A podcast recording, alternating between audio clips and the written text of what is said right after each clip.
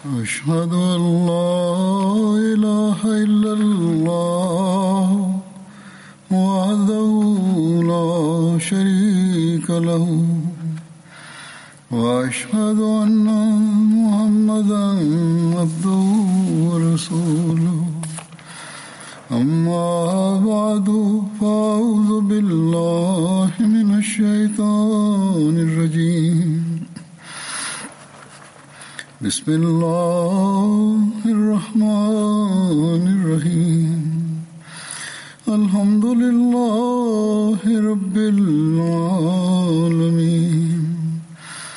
الرحمن الرحيم. مالك يوم الدين. إياك نعبد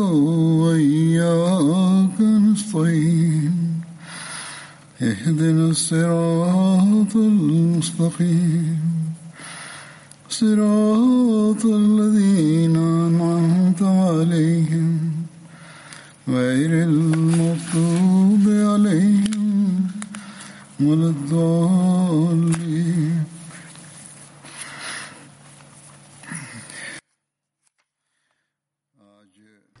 Pada hari ini saya akan mulai dengan menyampaikan tentang Hadrat Ali bin Abi Talib radhiyallahu anhu yakni tentang para khulafa Rashidin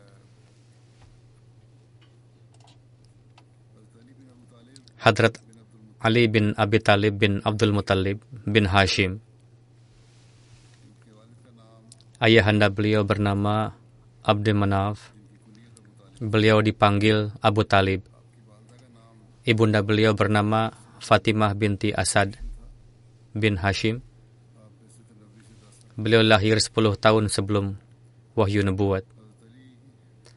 Berkenaan dengan penampilan Hadrat Ali radhiyallahu anhu, dijelaskan bahwa tinggi badan beliau sedang, mata beliau berwarna hitam, badan beliau berisi dan beliau memiliki bahu yang lebar. Ibunda beliau dulu menamai beliau dengan nama ayahandanya yaitu Asad. Dan pada saat kelahiran beliau, Abu Talib tidak berada di rumah. Ketika Abu Talib kembali, ia menamai beliau Ali sebagai pengganti Asad. Hadrat Ali memiliki tiga saudara laki-laki dan dua saudara perempuan. Saudara laki-laki adalah Talib, Aqil, Jafar. Dan saudara perempuan adalah Ummi Hani dan Ummi Jamana. Selain Talib dan Ummi Jamana, semuanya masuk Islam.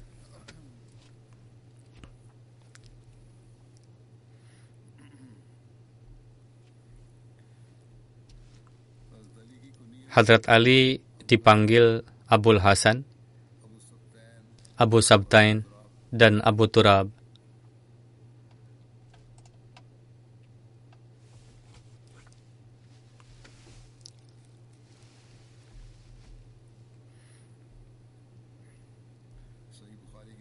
Berdasarkan riwayat Sahih Bukhari, Hadrat Suhail bin Sa'ad menuturkan bahwa ketika Rasulullah SAW datang di rumah Hadrat Fatimah, beliau tidak menjumpai Hadrat Ali di rumah. Beliau bertanya, di mana putra paman kamu? Hadrat Fatimah berkata, tadi saya dan beliau sedang sedikit berdebat, kemudian beliau marah dan pergi. Saya pun tidak sempat untuk istirahat siang hari setelah makan siang. Kemudian Rasulullah SAW memerintahkan seseorang laki-laki, carilah di mana dia. Laki-laki itu pun datang dan berkata, Wahai Rasulullah, beliau sedang tidur di masjid. Lalu Rasulullah beranjak dan pergi ke masjid.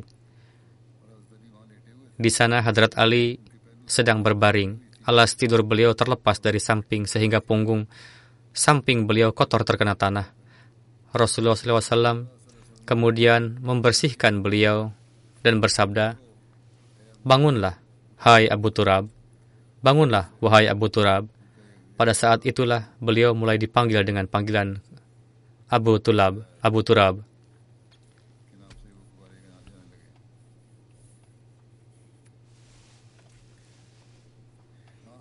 Berkenaan dengan bagaimana Hadrat Ali tumbuh dan dibesarkan oleh Rasulullah SAW, terdapat penjelasan bahwa Mujahid bin Jabar Abul Hujaj menjelaskan bahwa malapetaka besar menimpa kaum Quraisy dan bagi Hadrat Ali menjadi nikmat dan berkat dari Allah Ta'ala.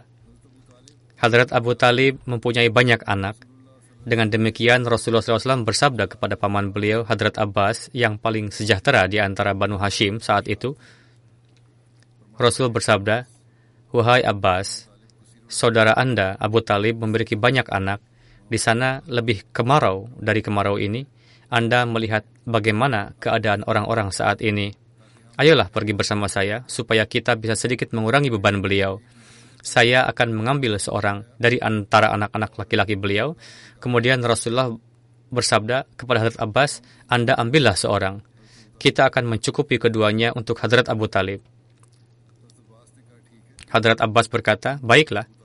Keduanya mendatangi Hadrat Abu Talib dan berkata, kami bermaksud ingin mengurangi beban Anda dengan memelihara anak Anda sampai musibah ini lenyap.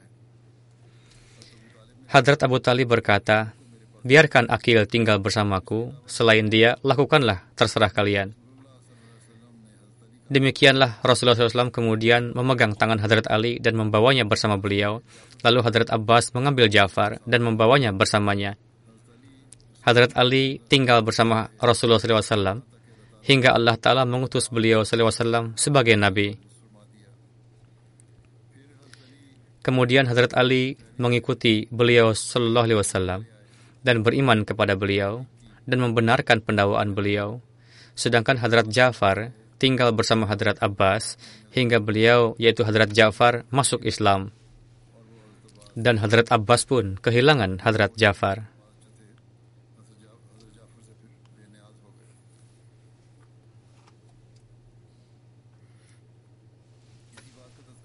Menyinggung tentang perkara ini,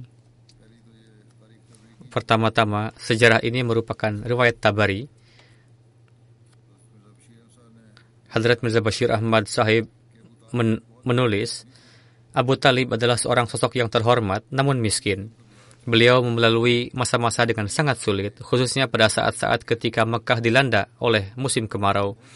Hari-hari beliau penuh dengan penderitaan ketika Rasulullah SAW melihat penderitaan pamannya, maka Rasulullah suatu hari mulai berunding dengan paman beliau yang lainnya, yaitu Abbas, bahwa paman, saudara Anda Abu Talib sedang dilanda kesulitan ekonomi, alangkah baiknya kalau Anda mengambil dan merawat seorang dari antara putra-putranya dan satu akan saya bawa. Hadrat Abbas sepakat dengan usulan tersebut dan kemudian bersama pergi kepada Abu Talib lalu menyampaikan permohonan ini di hadapan beliau Beliau sangat menyayangi Akil di antara anak-anaknya, lalu mulai berkata, Biarkan Akil tinggal bersama saya, dan jika kalian menginginkan yang lainnya, maka bawalah. Demikianlah Abbas membawa Jafar ke rumahnya, dan Rasulullah SAW membawa Ali bersamanya.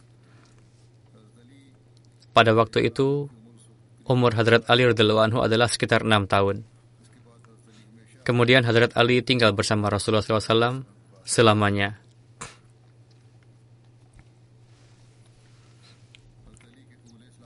Tentang masuk Islamnya Hadrat Ali, Ibnu Ishaq meriwayatkan, setelah masuk Islamnya Hadrat Khadijah dan satu hari setelah salat bersama Rasulullah SAW, Hadrat Ali bin Abi Talib datang Perawi meriwayatkan bahwa ketika beliau melihat Rasulullah dan Hadrat Khadijah salat, Hadrat Ali berkata, Wahai Muhammad Sallallahu Alaihi Wasallam, apa ini? Rasulullah SAW menjawab, ini adalah agama Allah yang dia pilih untuk dirinya. Dan dia mengutus para Rasul bersamanya. Maka saya memanggil kamu kepada Allah dan beribadah kepadanya, serta mengingkari Lata dan Uzza. Berkenaan dengan itu, Hadrat Ali berkata kepada beliau, ini merupakan suatu perkara yang tentangnya tidak pernah kudengar sebelumnya. Aku tidak dapat mengatakan sesuatu pun tentangnya, sampai aku tidak menyampaikannya kepada Abu Talib. Rasulullah dengan tidak suka bersabda bahwa sebelum pengumuman kenabian beliau rahasia ini akan terungkap. Demikian Rasulullah bersabda bahwa, Hai Ali, jika kamu tidak menerima Islam, maka sembunyikanlah dahulu perkara ini. Demikianlah Hadrat Ali melewati malam itu, hingga Allah Ta'ala memasukkan Islam ke dalam hati Hadrat Ali, dan pada esok paginya beliau menghadap Rasulullah dan mengatakan, Wahai Muhammad, apa yang telah Anda persembahkan di hadapanku tadi malam? Rasulullah bersabda, kamu bersaksilah terhadap hal ini bahwa tidak ada sembahan lain selain Allah. Dia adalah Esa, tidak ada yang menyemai dia, dan ingkarilah Lata dan Uzza, serta janganlah menyekutukan Allah Ta'ala. Hadrat Ali pun mengikrarkan demikian dan masuk Islam. Karena takut kepada Abu Talib, Hadrat Ali sering mendatangi Rasulullah SAW secara diam-diam dan menyembunyikan keislaman beliau walaupun beliau tinggal di sana bersama dengan Rasulullah. Karena inilah yang dijumpai di dalam riwayat-riwayat. Ini adalah riwayat Asadul Ghabah. Setelah Hadrat Khadijah, orang yang paling pertama beriman adalah Hadrat Ali. Pada saat itu umur Hadrat Ali adalah 13 tahun. Beberapa riwayat menyebutkan 15 tahun dan ada juga yang 18 tahun. Para sejarawan pun mengangkat pembahasan ini bahwa di antara laki-laki siapa yang pertama kali beriman, Hadrat Abu Bakar atau Hadrat Ali atau Hadrat Zaid. Sebagian menyepakati bahwa dari antara anak-anak adalah Hadrat Ali dan dari antara orang dewasa Hadrat Abu Bakar dan dari antara budak belian Hadrat Zaid. Berkenaan dengan ini, Hadrat Mirza Bashir Ahmad mengungkapkan pandangannya. Beliau bersabda, berkenaan dengan orang yang pertama beriman dari antara laki-laki setelah Hadrat Khadijah, pendapat terdapat pertentangan di antara para sejarawan. Sebagian menyebut nama Hadrat Abu Bakar Abdullah bin Abi Kahafa. Sebagian mengatakan nama Hadrat Ali yang pada saat itu hanya berumur 10 tahun dan sebagian menyebut budak yang dimerdekakan oleh Hadrat Rasulullah SAW, yakni Hadrat Zaid bin Harithah. Akan tetapi, pendapat kami bahwa perdebatan ini adalah sia-sia. Hadrat Ali dan Hadrat Zaid bin Harithah adalah bagian dari keluarga Rasulullah SAW dan tinggal bersama beliau. Layaknya anak-anak beliau, mereka mematuhi sabda Hadrat Rasulullah SAW dan beriman kepada beliau, bahkan dari mereka mungkin ikrar secara verbal tidak diperlukan. Jadi nama mereka tidak perlu disebut. Yakni mematuhi sabda Rasulullah SAW dan beriman kepada beliau tidak memiliki perbedaan. Itu adalah satu. Tidak diperlukan suatu ikrar secara verbal. Jadi untuk itu tidak perlu membawa-bawa nama mereka. Dan selebihnya dari semua itu Hadrat Abu Bakar selalu berada di depan sebagai muslim dan yang pertama kali beriman. Hadrat Hadrat Muslim Ma'ud anhu bersabda, Hadrat Musa alaihissalam mendapatkan seorang penolong karena memohon dari Allah Ta'ala, tetapi lihatlah keagungan Muhammad Rasulullah SAW. Tanpa memohon, beliau mendapatkan penolong. Di sini, Hadrat Muslim Ma'ud ingin mengungkapkan berkenaan dengan Hadrat Khadijah, dan beliau memberitahukan bahwa Hadrat Khadijah adalah penolong beliau. Beliau bersabda, Lihatlah keagungan Allah Ta'ala bahwa Rasulullah mendapatkan penolong tanpa memohon, yakni yang dimaksud adalah istri beliau yang sangat beliau cintai, yang pertama kali beriman kepada beliau. Karena setiap orang bebas menentukan agama dan keyakinannya, tidak ada seorang pun yang bisa memaksa keyakinannya. Oleh karena itu, mungkin saja ketika Rasulullah SAW mengungkapkan wahyu pertama, Allah Ta'ala kepada Hadrat Khadijah, beliau tidak mendukung Rasulullah SAW dan mungkin berkata bahwa setelah memikirkannya, aku tidak akan melangkah selangkah pun. Akan tetapi, nyatanya tidak. Hadrat Khadijah tidak berhenti dan terus maju mendukung pendakwaan beliau Sallallahu Alaihi Wasallam.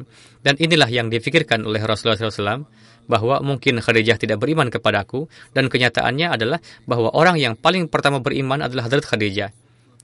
Pada saat itu Allah Ta'ala duduk di arash dan berkata, Alaihissallahu bikafin abdah bahwa wahai Muhammad sallallahu alaihi wasallam engkau menyayangi Khadijah dan mencintainya dan dalam hatimu memikirkan bahwa jangan-jangan Khadijah akan meninggalkan engkau dan engkau memikirkan hal ini bahwa apakah Khadijah beriman kepadaku atau tidak?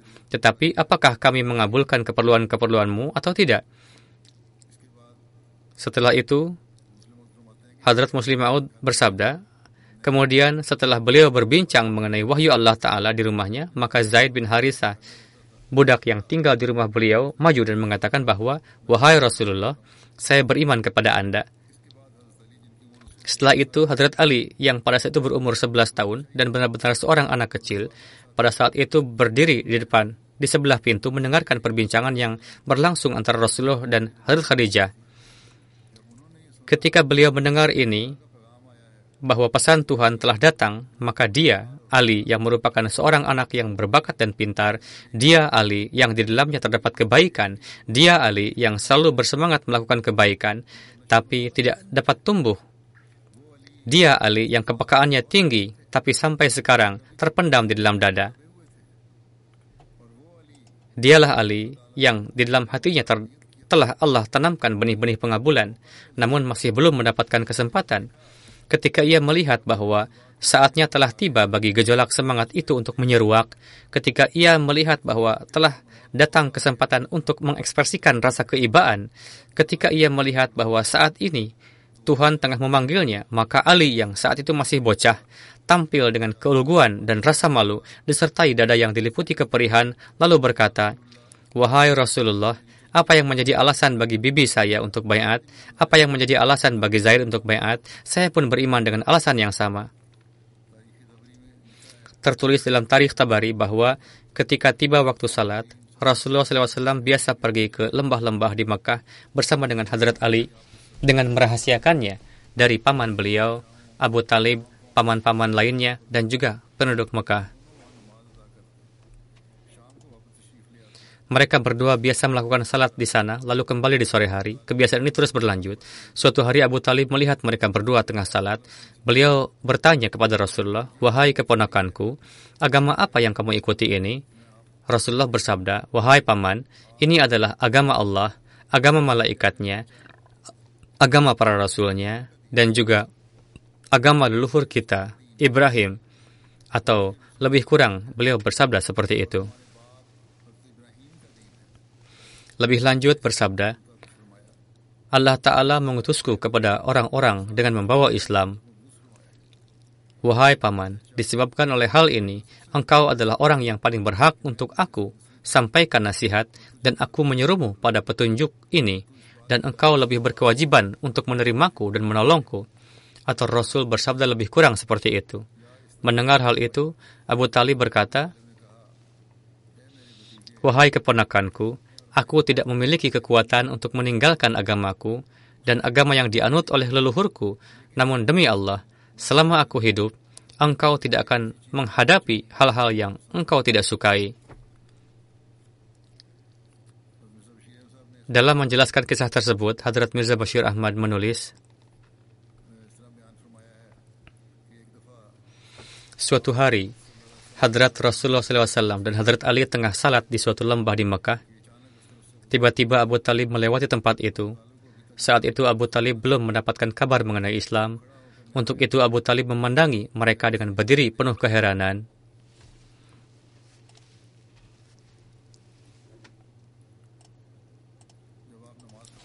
Setelah mereka selesai salat, Abu Talib bertanya, kemunakanku, apa agama apa yang kamu anut ini? Rasul bersabda, Paman, ini adalah agama ilahi dan agama Ibrahim. Lalu Rasulullah menyeru Abu Talib kepada Islam secara singkat. Namun Abu Talib menolaknya dengan mengatakan, Aku tidak bisa meninggalkan agama leluhurku. Namun seiring dengan itu, beliau berkata kepada putranya, Hadrat Ali, Nah, silahkan saja kamu mengikuti Muhammad SAW, karena aku yakin ia tidak akan menyeru kepada yang lain selain kebaikan. Sesuai dengan perintah Allah Ta'ala, berkenaan dengan seruan Rasulullah SAW kepada kaum kerabat beliau sendiri, diterangkan sebagai berikut.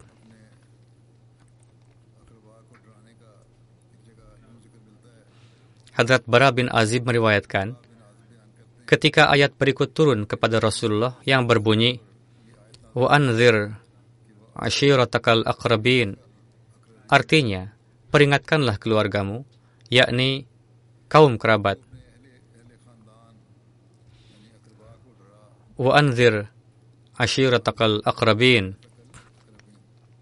Peringatkanlah keluargamu, yakni kaum kerabat.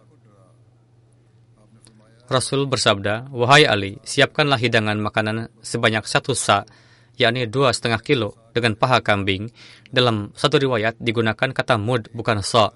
Satu so sama dengan empat mud, yakni dapat dikatakan kurang sedikit dari dua setengah kilogram. Tertulis juga bahwa ukuran so bagi penduduk Kufah dan Irak sama dengan delapan mud, yakni sekitar empat setengah kilogram. Alhasil, itu adalah ukuran yang sangat sedikit, baik itu dua setengah atau empat setengah kilogram untuk menyiapkan hidangan, mengundang kerabat. Bersabda juga, siapkan juga satu wadah besar susu untuk kita. Lalu kumpulkanlah Banu Abdul Muthalib. Hadrat Ali berkata, saya lakukan sesuai perintah untuk mengumpulkan mereka yang jumlahnya sekitar 40 orang. Di antaranya paman Rasul Abu Talib, Hamzah, Abbas, dan Abu Lahab juga. Lalu saya menghidangkan makanan dalam wadah besar di hadapan mereka. Kemudian Rasulullah mengambil satu potong daging dari antaranya dan memotongnya dengan gigi beliau lalu menyebarkannya ke sekeliling wadah dengan tujuan untuk memberkatinya. Rasul bersabda, silahkan disantap dengan menyebut nama Allah. Para tamu menyantapnya sampai kenyang. Hazrat Ali berkata, demi Tuhan, padahal makanan yang dihidangkan untuk mereka semua hanya bisa cukup untuk satu orang saja. Rasul bersabda, biarkan, berikan mereka minum, lalu saya membawa wadah susu, lalu mereka minum sampai kenyang. Hazrat Ali berkata, Demi Tuhan, satu orang saja dapat menghabiskan seluruh susu itu. Lalu ketika Rasulullah beriradah untuk berbicara kepada para undangan, maka Abu Lahab segera berbicara. Ia berkata, Coba lihat bagaimana kawan kalian telah menyihir kalian. Setelah itu mereka bubar. Sehingga Rasulullah tidak jadi berbicara kepada mereka. Pada keesokannya, Rasul bersabda kepada Hadrat Ali, Wahai Ali, persiapkan lagi hidangan dan minuman seperti kemarin, Hadrat Ali berkata, lalu saya lakukan seperti yang diperintahkan, saya kumpulkan lagi mereka. Rasulullah memberkati lagi hidangan seperti hari sebelumnya, lalu para tamu undangan makan dan minum sampai kenyang. Rasulullah bersabda, Wahai Banu Abdul Muthalib, saya tidak mengenal seorang pemuda yang membawa sesuatu lebih baik bagi kaumnya seperti yang aku bawa untuk kalian. Aku membawa perkara yang akan berguna untuk dunia dan akhirat. Siapakah yang akan menolongku? Hadrat Ali berkata, semua orang terdiam. Lalu saya berkata, Wahai Rasulullah, meskipun saya adalah yang paling muda di antara mereka, namun saya bersedia untuk menolong Anda. Dalam menjelaskan hal itu, Hadrat Mirza Bashir Ahmad menulis dalam Sirat Khatamun Nabiyyin sebagai berikut. Hadrat Rasulullah SAW bersabda kepada Hadrat Ali,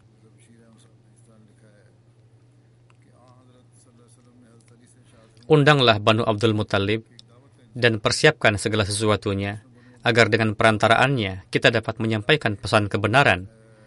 Lalu Hadrat Ali mengatur untuk mengundang mereka. Kemudian Rasulullah mengundang seluruh karib kerabat yang saat itu berjumlah sekitar 40 orang. Setelah selesai makan, Rasulullah mulai ingin menyampaikan pidato.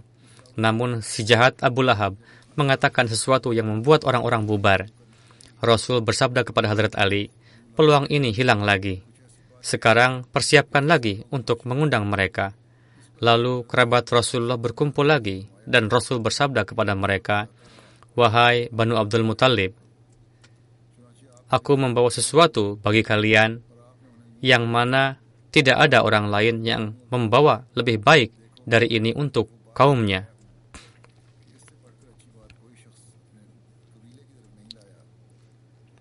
Aku menyuruh kalian kepada Tuhan. Jika kalian mengikutiku, maka kalian akan menjadi pewaris nikmat-nikmat terbaik dunia dan akhirat.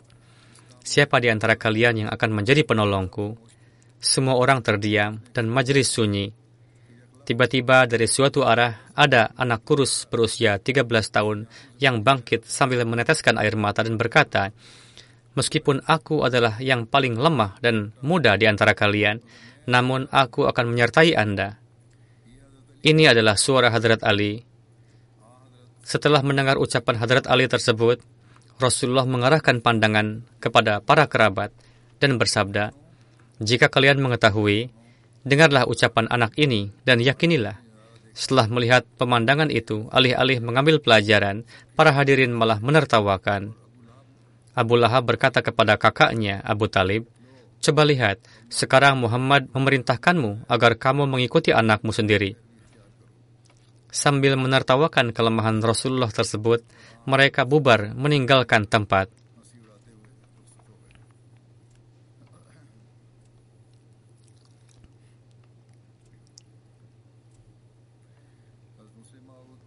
Dalam menjelaskan kisah tersebut, Hadrat Muslim Maud anhu bersabda, Hadrat Ali yang saat itu berusia 11 tahun. Anak-anak hendaknya menyimak kisah ini dengan penuh seksama. Ketika Hadrat Ali bangkit untuk mendukung agama, ketika Rasulullah menerima wahyu, Rasulullah mengadakan acara dengan mengundang seluruh pembesar Mekah dan menjamu mereka. Pada acara tersebut, Rasulullah berdiri dan bersabda, saya ingin menyampaikan pendawaan saya. Setelah mendengar itu, semua hadirin bubar meninggalkan tempat. Melihat hal itu, Hadrat Ali datang menghampiri Rasulullah dan berkata, Wahai saudaraku, apa yang telah Anda lakukan? Anda tahu bahwa mereka adalah orang-orang duniawi. Seharusnya mereka diceramahi dulu. Setelah itu baru dihidangkan makanan. Orang-orang tidak beriman ini tentu akan pulang setelah makan karena mereka gandrung dengan makanan. Jika Anda menceramahi dulu mereka, maka meskipun Anda bicara dua jam, mereka akan mau mendengarkannya. Setelah itu kita hidangkan makanan. Lalu Rasulullah mengamalkan seperti itu. Beliau mengadakan undangan lagi, namun pertama-tama disampaikan ceramah terlebih dahulu. Setelah itu baru disediakan hidangan. Kemudian Rasul berdiri dan bersabda, Wahai hadirin, saya sudah sampaikan kepada kalian hal-hal mengenai ketuhanan. Apakah ada dari antara kalian yang mau menolongku dan dalam memenuhi misi ini? Saat itu seluruh pembesar Mekah hadir di sana. Hanya Hadrat Ali yang bangkit dan berkata, Wahai anak pamanku, saya siap untuk membantumu. Rasul beranggapan bahwa Hadrat Ali hanya seorang anak. Untuk itu, Rasul bangkit lagi dan bersabda, Wahai hadirin, apakah ada dari antara kalian yang mau mendukungku? Di antara sekian banyak orang tua, ada anak kecil berusia 11 tahun berdiri dan berkata, Wahai anak pamanku, akulah yang akan mendukungmu. Setelah itu Rasulullah meyakini bahwa dalam pandangan Allah Ta'ala, anak berusia 11 tahun inilah yang dewasa. Selebihnya, walaupun berumur tua, namun pada hakikatnya adalah anak-anak. Dalam diri mereka tidak ada kekuatan. Anak inilah yang bijaksana. Untuk itu Rasulullah mengajak mengikut sertakan Hadrat Ali bersama beliau. Inilah Ali yang terus menyertai beliau sampai akhir hayat, bahkan menjadi khalifah di kemudian hari, dan juga meletakkan pondasi agama. Begitu pula Allah Ta'ala menjadikan anak keturunan beliau orang-orang yang saleh, sampai terlahir 12 imam dari antara keturunan beliau secara turun-temurun. Dalam menjelaskan mengenai Hadrat Ali, Hadrat Muslim Ma'ud bersabda,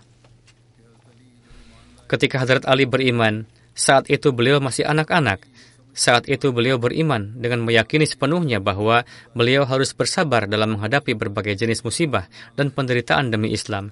Meskipun anak-anak tapi beliau faham bahwa beliau akan terpaksa memberikan pengorbanan sampai-sampai jika tiba waktunya untuk memberikan nyawa, maka aku harus siap untuk menyerahkan jiwaku di jalan Allah Ta'ala. Dalam hadis dikatakan, pada masa awal kerasulannya, Rasulullah SAW menginisiasi untuk mengundang Banu Abdul Muthalib dengan tujuan untuk menyampaikan pesan kebenaran kepada mereka. Banyak sekali kerabat beliau yang hadir pada saat itu. Ketika semua orang telah selesai makan, dan beliau ingin menyampaikan pidato, namun Abu Lahab membuat semua tamu bubar, sehingga para tamu bubar sebelum sempat mendengarkan pidato beliau Sallallahu Alaihi Wasallam. Rasulullah sangat heran karenanya. Beliau berpikir bagaimana mereka ini, meskipun telah makan tapi tidak mau menyimak penyampaian beliau. Namun Rasulullah tidak lantas putus asa. Bahkan beliau bersabda kepada Hadrat Ali untuk mengundang mereka lagi. Lalu dipersiapkan lagi undangan makan untuk mereka. Setelah selesai makan, Rasul berdiri dan bersabda, Coba lihat betapa besar ihsan Allah Ta'ala atas kalian, karena dia telah mengirimkan nabinya di tengah-tengah kalian. Aku menyuruh kalian kepada Tuhan. Jika kalian mau menuruti perkataanku, maka kalian akan menjadi pewaris nikmat-nikmat Tuhan, nikmat-nikmat dunia dan akhirat. Apakah di antara kalian ada yang mau menolongku? Mendengar ucapan demikian, semua orang yang ada dalam majlis itu terdiam dan suasana sunyi meliputi. Namun seketika itu, dari arah pojok, bangkit seorang anak muda. Ia berkata, Meskipun aku adalah orang yang sangat lemah dan paling muda dari sisi umur, namun aku akan menyertai Anda. Anak yang dimaksud adalah Hadrat Ali radhiyallahu anhu, yang saat itu tengah mengumumkan bahwa beliau bersedia untuk mendukung Islam. Berkenaan dengan kisah pengorbanan Hadrat Ali radhiyallahu anhu ketika Rasulullah SAW hijrah dalam riwayat lain dikatakan, penduduk Mekah bermusyawarah dan ketika mengepung rumah Rasulullah untuk berencana menahan atau membunuh Rasulullah, Rasulullah mendapatkan kabar rencana musuh tersebut dengan perantaraan wahyu. Setelah Allah Ta'ala mengizinkan beliau untuk hijrah ke Madinah, beliau melakukan persiapan untuk hijrah. Beliau meminta Hadrat Ali untuk berbaring di atas ranjang beliau. Hadrat Ali menutupi tubuhnya sendiri dengan kain merah Rasulullah dan melewati malam di atas ranjang tempat Rasulullah biasa tidur.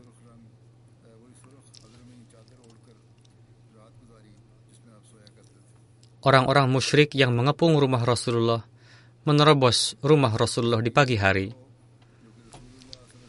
Hadrat Ali bangkit dari ranjang.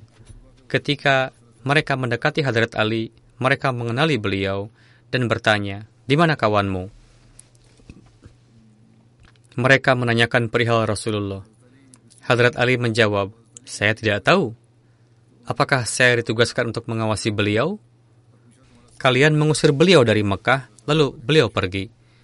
Mereka memarahi Hadrat Ali dan menyeret beliau, lalu membawanya ke Ka'bah, ditahan beberapa saat, lalu dilepaskan.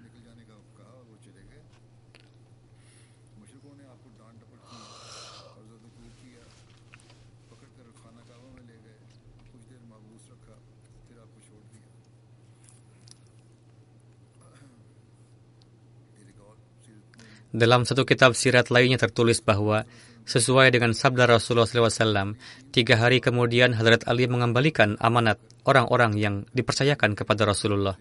Kemudian beliau hijrah dan menemui Rasulullah. Beliau tinggal di rumah Kaba Ummi Kulsum bersama dengan Rasulullah. Berkenaan dengan kisah selama hijrah dijelaskan dalam buku Sirat Khatamun Nabiyyin sebagai berikut. Pada suatu malam yang gelap, Quraisy zalim yang berasal dari berbagai kabilah berkumpul di sekitar rumah Rasulullah dengan niatan jahat untuk mengepung. Mereka menunggu tiba saatnya pagi atau menunggu saatnya Rasul keluar rumah lalu berencana untuk menyerang dan membunuh beliau.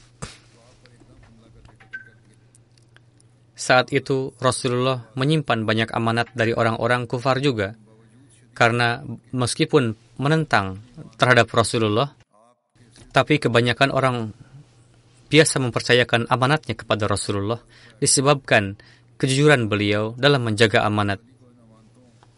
Rasulullah menjelaskan perhitungan amanat-amanat tersebut kepada Hadrat Ali dan menegaskan untuk jangan meninggalkan Mekah sebelum mengembalikan amanat-amanat tersebut kepada pemiliknya.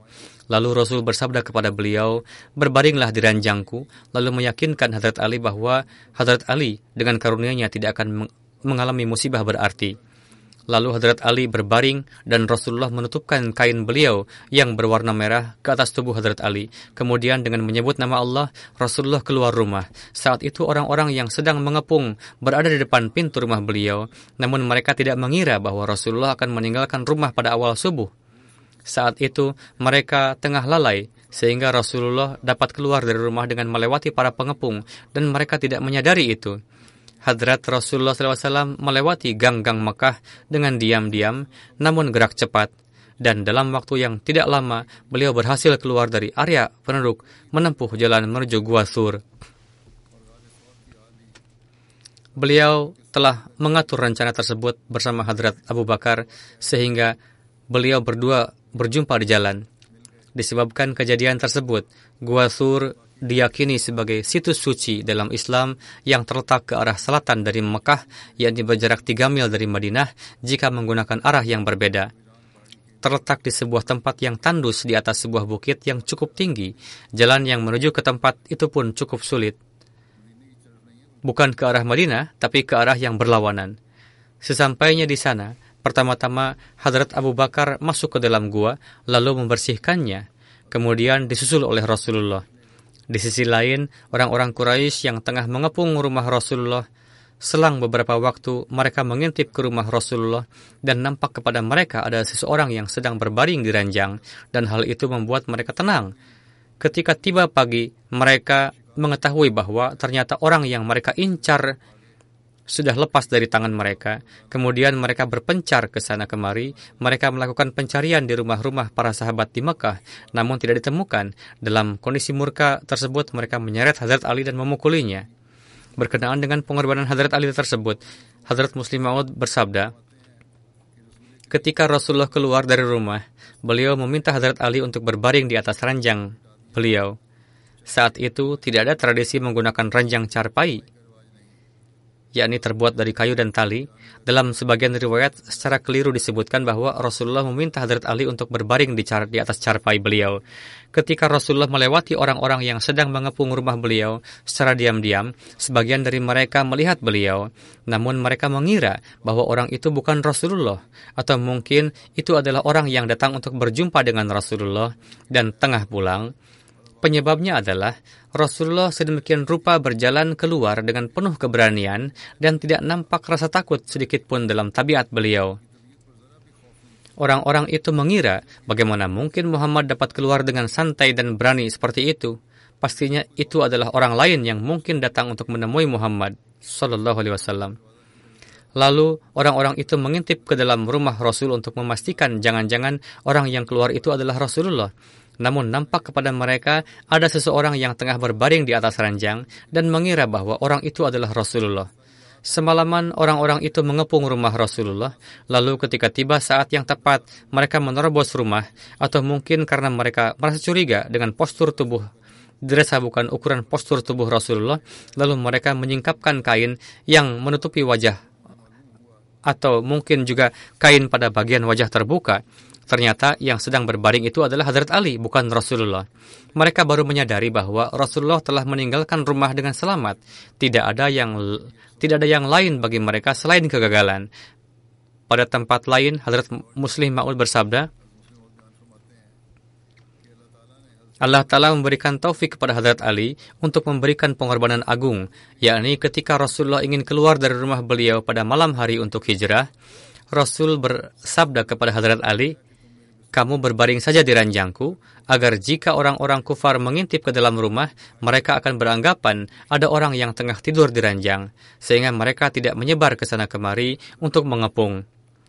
Saat itu, Hadrat Ali tidak berkata, saat itu Hadrat Ali tidak lantas berkata, Wahai Rasulullah, di sekitar rumah Tuan terdapat para pemuda pilihan Quraisy yang mengepung dengan bersenjatakan pedang. Jika saja pada pagi hari nanti mereka tahu bahwa Anda telah pergi, maka mereka akan membunuh saya nantinya. Alih-alih mengatakan demikian, Hadrat Ali dengan tenang, patuh, dan lalu berbaring di ranjang Rasulullah, dan Rasulullah menutupkan kain selimut ke tubuhnya.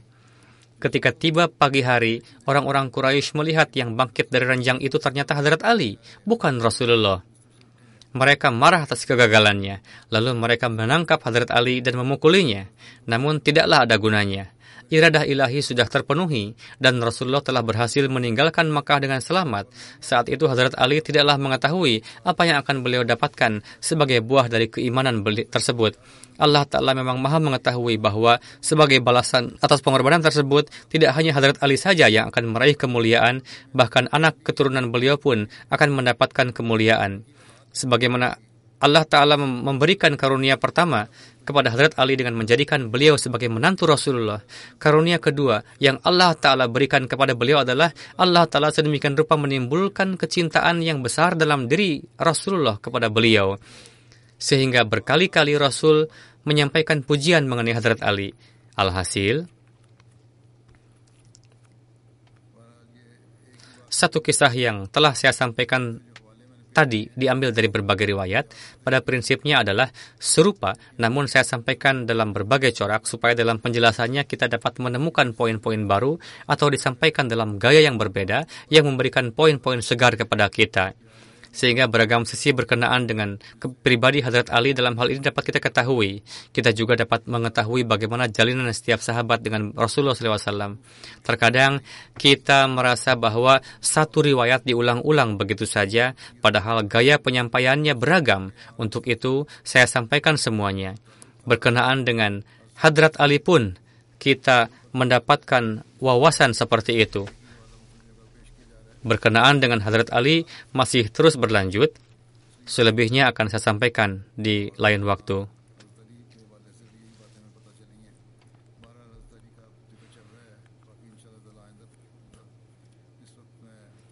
Saat ini saya akan menyampaikan zikre khair beberapa almarhum dan almarhumah dan setelah itu akan memimpin salat jenazah untuk mereka. Jenazah pertama adalah Dr. Tahir Mahmud Sahib Syahid bin Tarik Mahmud Sahib Mud Baluchan, daerah Nan Nankana. Beliau telah disyahidkan oleh para penentang jemaat pada tanggal 20 November 2020 setelah melaksanakan salat Jumat pada Jumat yang lalu dengan ditembak. Berdasarkan data yang diperoleh, almarhum Syahid berkumpul di rumah uwa beliau, Muhammad Hafiz Sahib, bersama ayah beliau, Tarik Mahmud Sahib, anggota keluarga lainnya untuk melaksanakan ibadah Jumat pada tanggal 20 November 2020. Setelah selesai ibadah Jumat, sekitar pukul 2.30, beliau keluar untuk pulang ke rumah.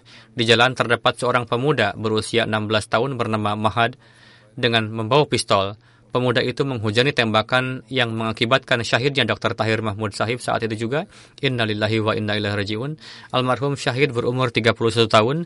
Peluru juga mengakibatkan luka pada bagian kepala ayah almarhum Syahid juga yang bernama Tarik Mahmud Sahib berusia 55 tahun, sekretaris mal dan juga mantan ketua jemaat dan saat ini beliau masih dirawat di rumah sakit.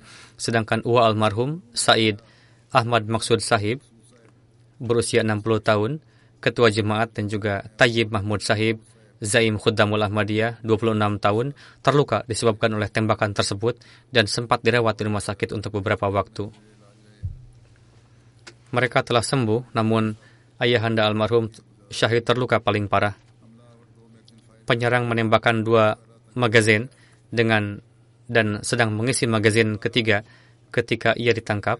Akan tetapi, bagaimanapun sekarang di sana mereka telah memulai permusuhan dengan satu modus baru, yaitu memprovokasi anak-anak laki-laki di bawah umur dan menyuruh mereka melakukan penyerangan supaya setelahnya mereka bisa mengatakan di pengadilan bahwa ini adalah anak di bawah umur sehingga hukumannya dikurangi atau dibebaskan dari hukuman. Sekarang mereka mencoba berbagai cara. Mereka mengatakan kami tidak memiliki keluhan dan kami sama sekali tidak melakukan suatu kekerasan dan tidak melakukan penganiayaan yang ilegal terhadap para Ahmadi. Tapi di sisi lain terjadi juga pensyahidan dan sebagian pejabat pemerintahan pun mem memejahijaukan secara aniaya para Ahmadi. Semoga Allah Ta'ala memberikan akal kepada mereka. Jika tidak, Allah Ta'ala sendiri akan mencengkram mereka. Dalam keluarga almarhum, Ahmadiyah masuk melalui perantaraan kakek almarhum yang terhormat Hakim Muhammad Ibrahim yang di usia 13 tahun bersama anggota keluarganya yang lain bayat di masa Khalifatul Masih yang kedua. Almarhum Syahid meraih gelar FSC dari Islamiyah College Lahore. Setelah itu pada tahun 2013 almarhum meraih gelar MBBS dari Moskow. Rusia dan akhir-akhir ini sedang mempersiapkan ujian PMC. Almarhum juga bekerja di Rumah Sakit Fazli Umar. Almarhum Syahid memiliki banyak sekali keistimewaan, sangat mencintai khilafat, sangat menghormati para pengurus jemaat dan tamu-tamu dari markas. Kapan pun diberikan suatu tugas dari jemaat, almarhum selalu siap. Almarhum mendapatkan taufik berkhidmat sebagai Kaid Khuddamul Ahmadiyah. Almarhum sering kali mengantar orang yang sakit ke rumah sakit dengan mobilnya sendiri, almarhum selalu terdepan dalam pengkhidmatan dan memiliki hubungan yang baik juga dengan Gair Ahmadi. Beberapa orang Gair Ahmadi yang berfitrat baik datang dan mengungkapkan rasa duka cita atas tragedi tersebut. Keluarga ini sudah sejak lama menghadapi penentangan yang keras. Pada 1974, para penentang membakar toko kakek almarhum pada tahun 2006, ayahanda almarhum Tarik Mahmud Sahib menjadi sasaran penganiayaan para penentang. Beberapa hari sebelumnya, seorang penentang jemaat meludahi ayahanda almarhum Syahid ketika berjalan di pasar. Perlakuan-perlakuan seperti itu selalu mereka dapatkan, namun mereka tetap bertahan di sana.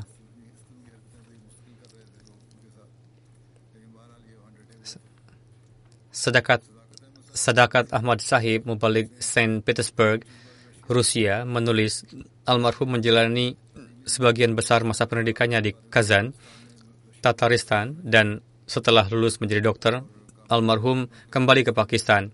Di masa pendidikannya, Dr. Tahir Mahmud Sahib menjalin hubungan yang penuh keikhlasan dengan jemaat. Almarhum selalu dawam dalam salat Jumat dan pembayaran canda dan secara rutin hadir dalam program jemaat meskipun hostel almarhum cukup jauh dari rumah misi dan berpartisipasi dengan senang hati. Almarhum termasuk yang paling cerdas di antara kelompok para mahasiswa kedokteran.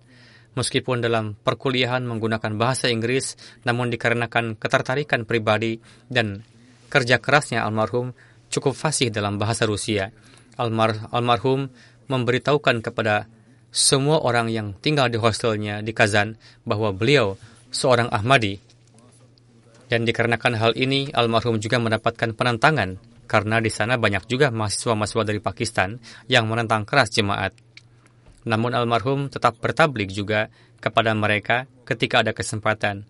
Sekarang saya juga telah pulang ke Pakistan dan almarhum bertemu dengan saya di sini.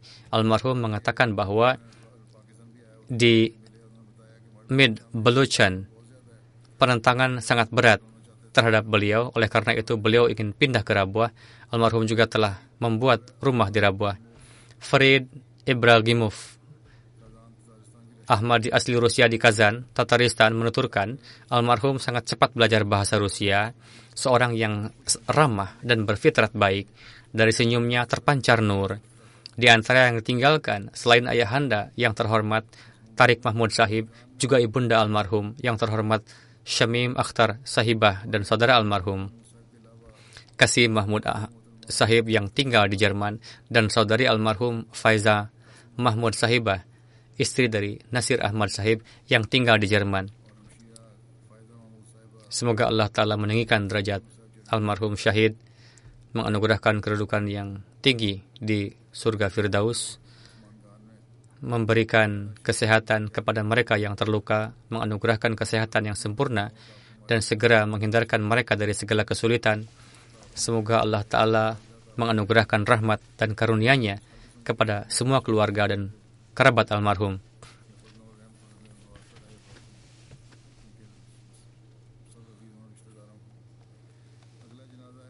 Jenazah selanjutnya yang terhormat Jamaluddin Mahmud Sahib, Sekretaris Umum Nasional Jemaat Sierra Leone pada 3 November wafat disebabkan serangan jantung mendadak. Innalillahi wa inna ilaihi raji'un. Almarhum berkhidmat sebagai sekretaris umum selama 16 tahun dengan karunia Allah Ta'ala almarhum seorang musi. Saidur Rahman Sahib, missionary in charge, menulis, Selain keistimewaan-keistimewaan lainnya, salah satu keistimewaan beliau adalah menyelamatkan para Ahmadi di seluruh dunia dari sukuisme dan menjadikannya satu keluarga. Bekerja dengan hikmah dan keikhlasan, sekitar 2.000 orang hadir pada salat jenazah dan pemakaman beliau. Pada kesempatan tersebut hadir dua orang menteri, kepala staf angkatan bersenjata Sierra Leone, para anggota parlemen, para kepala suku tertinggi, para monchiefs, serta puluhan pejabat tinggi pemerintahan. Mubarak Sahib, Sekretaris Nusrat Jahan menulis, almarhum adalah seorang pengkhidmat jemaat yang mukhlis, berjiwa pengorbanan yang tulus, dan almarhum sejak lama mendapatkan taufik berkhidmat sebagai sekretaris umum, serta sebagai wakil manajer Ahmadiyah Printing Press Sierra Leone. Almarhum berasal dari Ghana. Hadrat Maulana Nazir Ahmad Mubasir Sahib mengirim ayahanda almarhum yang terhormat Ibrahim Kojo Mahmud Sahib ke Sierra Leone untuk berkhidmat di bidang pendidikan. Mubarak Tahir Sahib menulis, Jamal Sahib tinggal bersama saya di Rokopur hingga 13 tahun. Ayahanda almarhum meninggalkan almarhum bersama beliau untuk pendidikan. Almarhum sejak kecil seorang yang saleh, selalu terdepan dalam salat berjamaah dan pengkhidmat jemaat lainnya dan pengkhidmatan jemaat lainnya, almarhum bersama dengan para khudam Rokopur melakukan tugas pertabligan dan penyebaran agama. Usman Tali Sahib, in charge Rekim Press Sierra Leone menuturkan, Jamaluddin Mahmud Sahib berkhidmat di sana sebagai in charge lama sebelum saya. Saya menjalani 12 tahun bersama beliau. Di masa itu, beliau tidak pernah mengatakan bahwa saya lebih muda dari beliau dan tidak berpengalaman, bahkan selalu bersikap hormat dan mengatakan bahwa Anda adalah mubalik dan Anda ditugaskan oleh Khalifatul Masih. Dan tidak pernah dalam suatu perkara pun beliau tidak menaati saya. Ketaatan dan kerendahan hati almarhum begitu luar biasa. Kapan pun diberikan suatu tugas kepada almarhum, maka almarhum segera memulainya dan menyelesaikannya dengan mengupayakan berbagai cara yang memungkinkan beliau menuturkan. Di masa itu saya beranjak banyak belajar dari almarhum. Almarhum salat tahajud setiap hari tanpa putus, sangat disiplin dalam salat berjamaah. Salat pun sedemikian rupa indahnya sehingga membuat iri. Almarhum selalu melaksanakan salat dengan sangat khusyuk dan penuh ketenangan. Almarhum sangat mencintai khilafat dan setiap khutbah Jumat almarhum duduk dengan penuh hormat. Kemudian beliau menulis, Sesuai dengan budaya Sierra Leone, Jamal Sahib merawat beberapa anak di rumahnya, menyekolahkan mereka dengan dana pribadi beliau, dan beberapa di antara mereka sekarang telah mendapat pekerjaan yang bagus dan mengenang beliau dengan penuh hormat dan kasih sayang. Nawid Kamar Sahib Mubalik menulis, almarhum turut berpartisipasi dalam gerakan-gerakan jemaat dengan penuh semangat. Almarhum memberikan pengorbanan tambahan tari jadid dan wakfi jadid atas nama kedua orang tua dan para sesepuh dalam keluarga beliau. Setiap kali datang ke kampung ayahnya, Rokopur, meskipun sibuk, almarhum selalu datang ke masjid tepat waktu. Biasanya almarhum menjelaskan ajaran-ajaran jemaat kepada orang-orang di waktu antara maghrib dan isya, khususnya topik mengenai pentingnya khilafat Ahmadiyah, keberkatan dan jalan ikatan dengannya. Beliau menjelaskannya dengan sangat indah. Kemudian beliau menulis, beliau mempunyai hubungan kecintaan dan kasih sayang dengan semua orang. Mendengar kabar kewafatan beliau, baik para Ahmadi maupun Gair Ahmadi, mencucurkan air mata. Inilah sebabnya mengapa dalam pemakaman beliau begitu banyak orang yang hadir dan selain dari lingkungan terdekat, orang-orang juga menempuh perjalanan yang jauh untuk hadir. Almarhum memiliki dua orang istri. Dengan istri pertama telah bercerai namun telah mempunyai anak darinya, dua orang putri dan dua orang putra dan seorang putra telah menikah seorang putri di Australia, dua yang lainnya sedang menempuh pendidikan di Ghana, dan satu lagi di Sierra Leone. Dan istri kedua almarhum tidak mempunyai anak. Semoga Allah Ta'ala menganugerahkan rahmat dan ampunannya kepada almarhum, meninggikan derajat almarhum, dan memberikan taufik kepada putra-putri almarhum untuk dapat meneruskan kebaikan-kebaikan almarhum. Jenazah selanjutnya Amatus Salam Sahibah, istri yang terhormat al almarhum Chaudhry Salahuddin Sahib, mantan Nazir Nazim, Jaida dan Mushir Kanuni Rabwah yang wafat pada 19 Oktober. Innalillahi wa inna ilaihi raji'un. Suami almarhumah adalah cucu dari sahabat Hadrat Masih Maud salam, Hadrat Chaudhry Abdullah Khan Sahib dan Hadrat Hamnah Bibi Sahibah, nenek dan kakek beliau keduanya adalah termasuk sahabat putra almarhumah Naimuddin Sahib menulis, Di antara kenangan yang tak terlupakan dalam hidup saya mengenai ibunda saya, salah satunya adalah penekanan almarhumah terhadap kami mengenai salat. Ini adalah bimbingan almarhumah yang paling kuat. Almarhumah mendisiplinkan kami dalam hal ini dengan begitu keras. Begitu kokohnya bimbingan almarhumah ini, rumah kami seperti hostel. Seringkali kerabat kami tinggal di rumah kami dengan tujuan untuk pendidikan dan mereka tinggal hingga bertahun-tahun. Almarhumah ibu menghimbau secara khusus kepada setiap orang mengenai hal ini bahwa semua anggota keluarga harus disiplin melaksanakan salat dalam kondisi apa pun. Almarhumah sendiri yang mengajarkan Al-Quran kepada semua anak-anak. Untuk anak-anak yang sudah besar, almarhumah menetapkan guru. Keistimewaan lainnya yang sangat membekas pada diri saya adalah almarhumah selalu berusaha untuk menyediakan sarana kenyamanan dan kebahagiaan bagi setiap orang yang tinggal di rumah almarhumah. Jika almarhumah sedang libur bekerja, almarhumah tidak merasa segan untuk mencucikan pakaian semua anak, baik itu anak almarhumah sendiri maupun anak orang lain. Keluarga dari pihak ibu dan ayah sering datang ke Rabuah. Ayahanda dikarenakan kesibukan tugas jemaat jarang ada di Rabuah. Ibunda yang menjamu semua tamu sampai hal yang sekecil-kecilnya, dan saya sebagai anak yang paling besar, oleh karena itu almarhumah mengawasi saya untuk dapat mengkhidmati tamu sebaik mungkin dan jangan sampai ada kekurangan.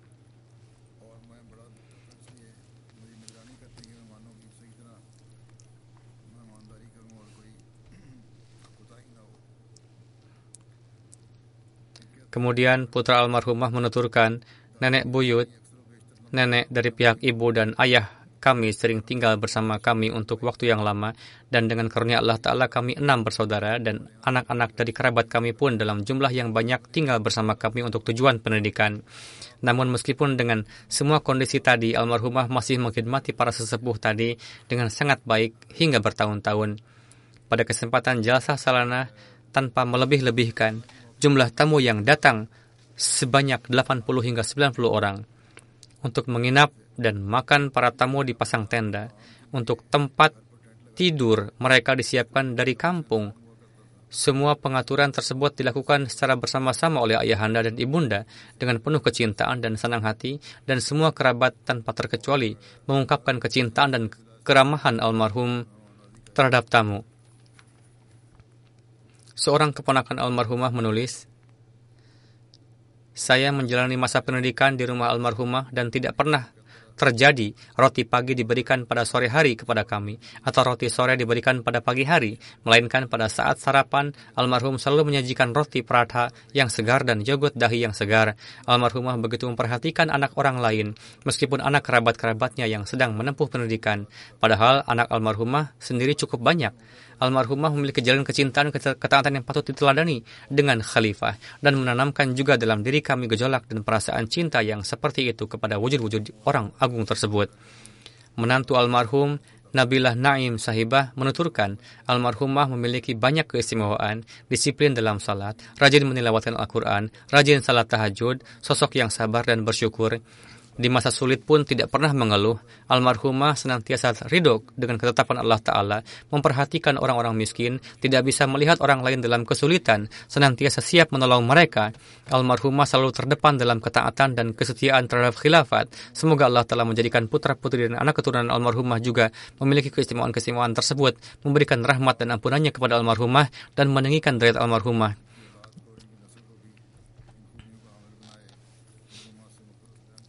Jenazah selanjutnya yang terhormat Mansur Bushro Sahibah, Ibunda Dr. Latif Qureshi Sahib yang wafat pada 6 November di usia 97 tahun. Inna lillahi wa inna ilaihi raji'un. Almarhumah adalah sahabat Hadrat Masih Maud salam. Bahkan anak dari sahabat almarhumah adalah cucu Hadrat Munshi Fayaz Ali Kapur Thalawi Sahib dan cucu dari Hadrat Syekh Abdul Rashid Sahib. Keduanya adalah sahabat. Di masa kanak-kanak almarhum memiliki hubungan yang dekat dengan Hadrat Ammajan radhiyallahu anha. Meskipun ingatannya lemah, almarhumah hingga akhir hayatnya tidak pernah lupa melaksanakan salat. Almarhumah juga secara rutin menyimak khutbah Jumat di MTA. Seorang wanita yang salehah dan setia, almarhumah dengan karunia Allah Ta'ala selalu seorang musiah. Sebagaimana telah saya sampaikan, almarhumah adalah ibunda dari Dr. Latif Quraisy Sahib dan beberapa waktu yang lalu ketika Quraisy Sahib dan istri beliau Syokat Luhar Sahibah wafat, keduanya ketika masih hidup banyak mengkhidmati almarhumah. Alhasil, mereka berdua wafat di masa almarhumah masih hidup. Cucu almarhumah Ismat Mirza menulis, Nenek saya adalah seorang mukminah hakiki dan seorang wanita yang mencintai Ahmadiyah dan khilafat. Saya tidak melihat seorang yang rajin beribadah dan memiliki kecintaan terhadap Al-Quran melebihi almarhumah, sosok yang pendiam dan bertabiat sederhana. Semoga Allah telah menganugerahkan rahmat dan ampunannya kepada almarhumah dan meninggikan derajat almarhumah setelah Jumat saya akan memimpin salat jenazah mereka semua. Insyaallah taala.